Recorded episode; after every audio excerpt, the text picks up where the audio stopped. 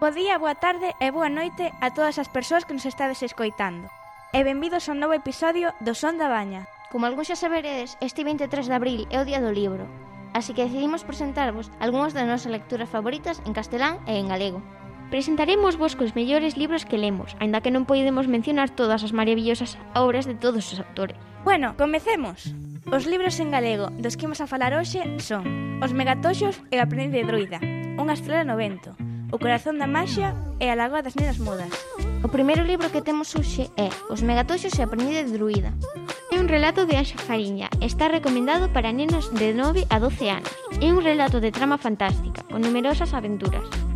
Esta é unha colección de seis libros, dos que vos falaremos máis adiante. Lúa, Ninfa, Ruxa e Faísca non son precisamente amigos, pero deben facer un traballo xunto á súa profesora Lara Fuzas. Por sorte ou maldición, o teñen poderes ao picarse con tuxo radiactivo. Deben viaxar a diferentes tempos e vivir grandes aventuras en busca da cura á súa mutación xenética. A orden destes libros son Os megatoxos e a aprendiz de druida, Os megatoxos e a espada esmeralda, Os megatoxos e os templarios da luz, Os megatoxos e a cara oculta de Lúa, Os megatoxos e o dragón de Xade e Os megatoxos e a batalla de Rand. Agora presentaremos Trouxémosvos Unha estrela no vento é un libro recomendado para rapaces maiores de 12 anos, xa que é un, rel un relato juvenil que fala sobre a solidariedade e o amor a vez que fala da vida do seu protagonista. Este é un dos inmemoriables libros de Alicia Costas, unha das autoras galegas máis recoñecidas.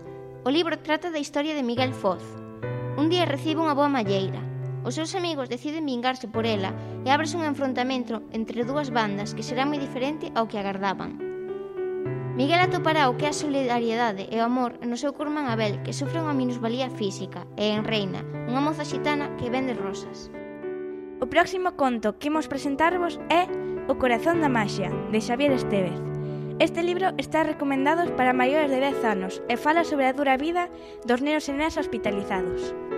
Laura é unha rapaza de 12 anos. Está hospitalizada por unha grave doenza que lle provoca falta de apetito e cansanzo. Cando mellora un chisquiño, tenta ser e facer feliz aos outros nenos da planta, visitándos e facendo incursións por outras dependencias do hospital. Un día chega Mistre, unha nena etíope de 8 anos, que compartirá cuarto con el. Para facerlle esta día máis levadeira, Laura contalle unha extraordinaria historia, a historia de Aulea e Mistera, que fan unha longa viaxe para resolver os, o misterio dos dragóns desaparecidos. Mentres non aparezan os dragóns protectores das aldeas, o seu mundo non poderá gozar de paz e prosperidade. O sorprendente desenlace de ambas dúas historias fará vos rir e chorar a semade. Sen dúbida, unha gran historia que petou as portas dos corazóns de todos os seus lectores.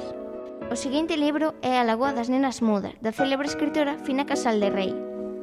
Este libro falanos un pouco sobre temas como a convivencia no eido escolar, a comunicación extralingüística e ademais aprenderemos sobre a cultura africana. A mina vais a vivir a un lugar afastado, do que descoñece a teu idioma. Un día chega ao seu colexo e decátase de que todas as nenas visten como a ela, penteanse como a ela, son de súpeto cuspidiñas a ela. Este relato fala da emigración, o rexeitamento e as dificultades de moitos inmigrantes. A amizade con Io, a rapaza xordomuda, crea posibilidade de comunicación máis aló das palabras. Porque naceran onde naceran, sen dúbida, esa amizade traspasa todas as fronteiras. Agora que xa vos contamos as nosas lecturas en galego, empezaremos coas que están en castelán. Para que vos fagades unha idea, imos falar distos en concreto. Artemis Fowl, Los Juegos del Hambre, Cazador de Sombras, Sherlock, Lupin y yo, Harry Potter, Percy Jackson y los Dioses de Olimpo, Arusha y el Fin del Tiempo, Percy Jackson y los héroes de Olimpo, las crónicas de Kane, Magnus Chase y los dioses de Asgard, las pruebas de Apolo, Tuerto maldito y enamorado, la ladrona de libros e O Señor dos Anéis. Empezamos co primeiro da lista, Artemis Fowl, un libro de Owen Colfer, para nenos nenas maiores de 11 anos, de trama fantástica con numerosas aventuras. Artemis Fowl é unha saga de oito libros que conta a historia deste rapaz, un xeño do coeficiente intelectual máis alto de Europa, que, a pesar disto, utiliza para o crime, pois vende unha estirpe familiar de ladrós de guante branco. O primeiro libro é Artemis Fowl, onde relata un pouco a aparición deste inusual persoaxe, que deseña un plan para atrapar unha criatura máxica e obter o seu ouro. Dende ali, Artemis vese intrincado en moitas aventuras e pouco a pouco, segundo o transcurso do libro, este faise unha mellor persoa, non sen axuda das criaturas que anteriormente atrapou. Seguimos cos libros. Desta volta temos Cazador de Sombras, un maravilloso libro de Cassandra Clare. Clary Frey sigue a un rapaz de pelo azul na discoteca de moda de Nova York ata presenciar a súa morte a máis de outros tres rapaces que contan cunha especie de tatuaxes extraños. Dende aquí, o seu destino estará ligado a eles. Esta é a miña saga favorita.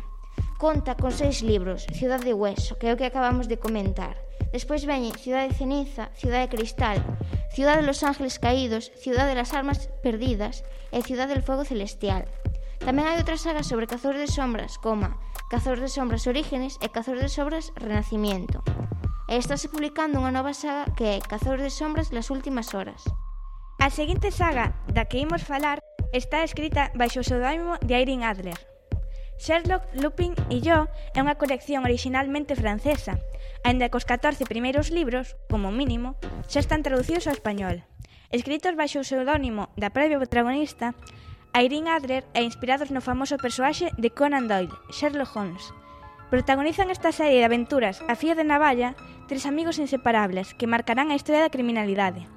Irene Adler, Arsene Lupin e Sherlock Holmes. Na miña opinión, unha colección cunha gran trama e unha subtrama increíble.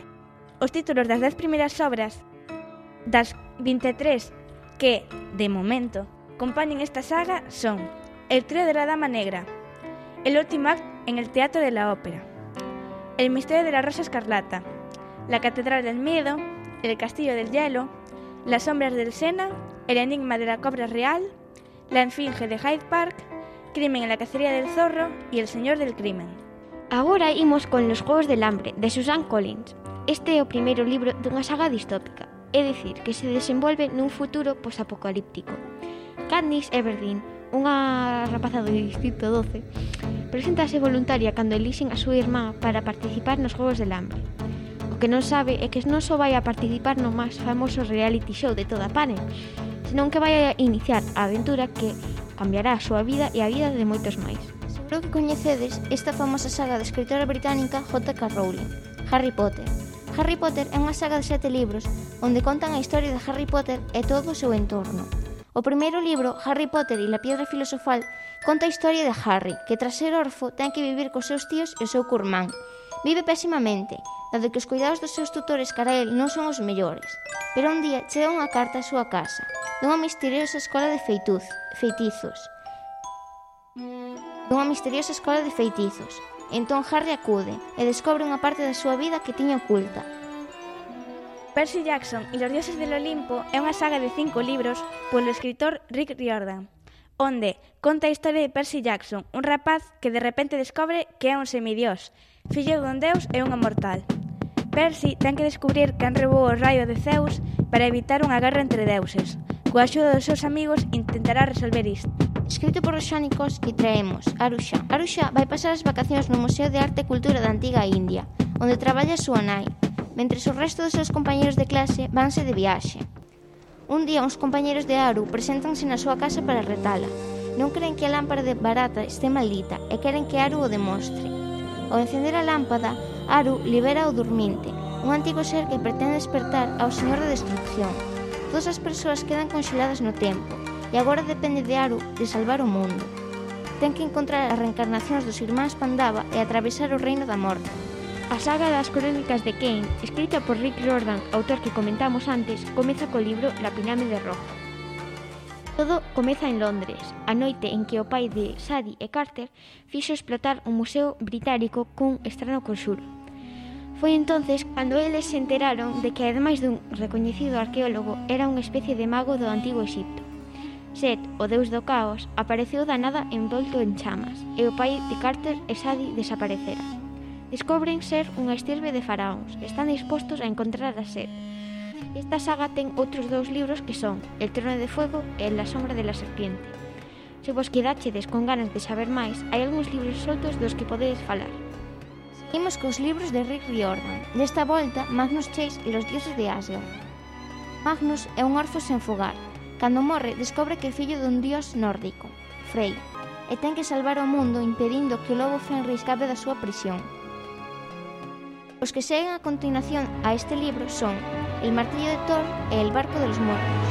Outra das sagas de mitoloxía de Rick Riordan é do deus Apolo. Este é un antigo deus grego, pero por ser a Zeus, maior dos deuses, vese desterrado, por un tempo, ao mundo dos mortais, onde está atado por Masia a unha rapaza chamada Meg. Terá que loitar contra un enemigo, pero sen os seus poderes e a súa falta de coordinación como humano será complicado. Son cinco libros, El oráculo perdido, La profecía oscura, El laberinto en llamas, La tumba del tirano e La torre de Nero. Un libro de novela rosa que recomendamos moito é Tuerto, Malito e Enamorado, de Rosa Huertas.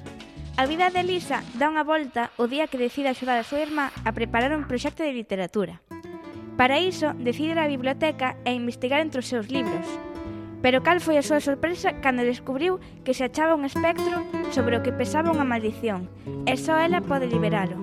Habrá que resolver algúns misterios e revelar unha historia de amor na vida de Lope de Vega. As rúas de Madrid serán o escenario desta historia emocional.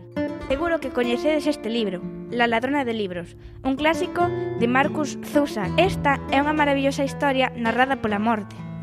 A nosa protagonista foi adoptada xunto ao seu irmá logo de morrer os seus pais, pero tiveron que correr un largo camiño e o seu irmán non puido sobrevivir.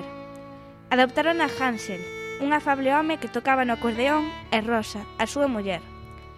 Os libros eran queimados, mais un día Liesel puido cas normas e, sen que ninguén vise, colleu un libro. Non sabía ler sequera, pero pouco a pouco, coa axuda do seu pai, foi aprendendo. Converteuse nunha ladroa de libros, que roubaba libros para ler. Cando nas súas vidas se cruza un xoven xudío que escribía contos para escapar da guerra. Todo cambia.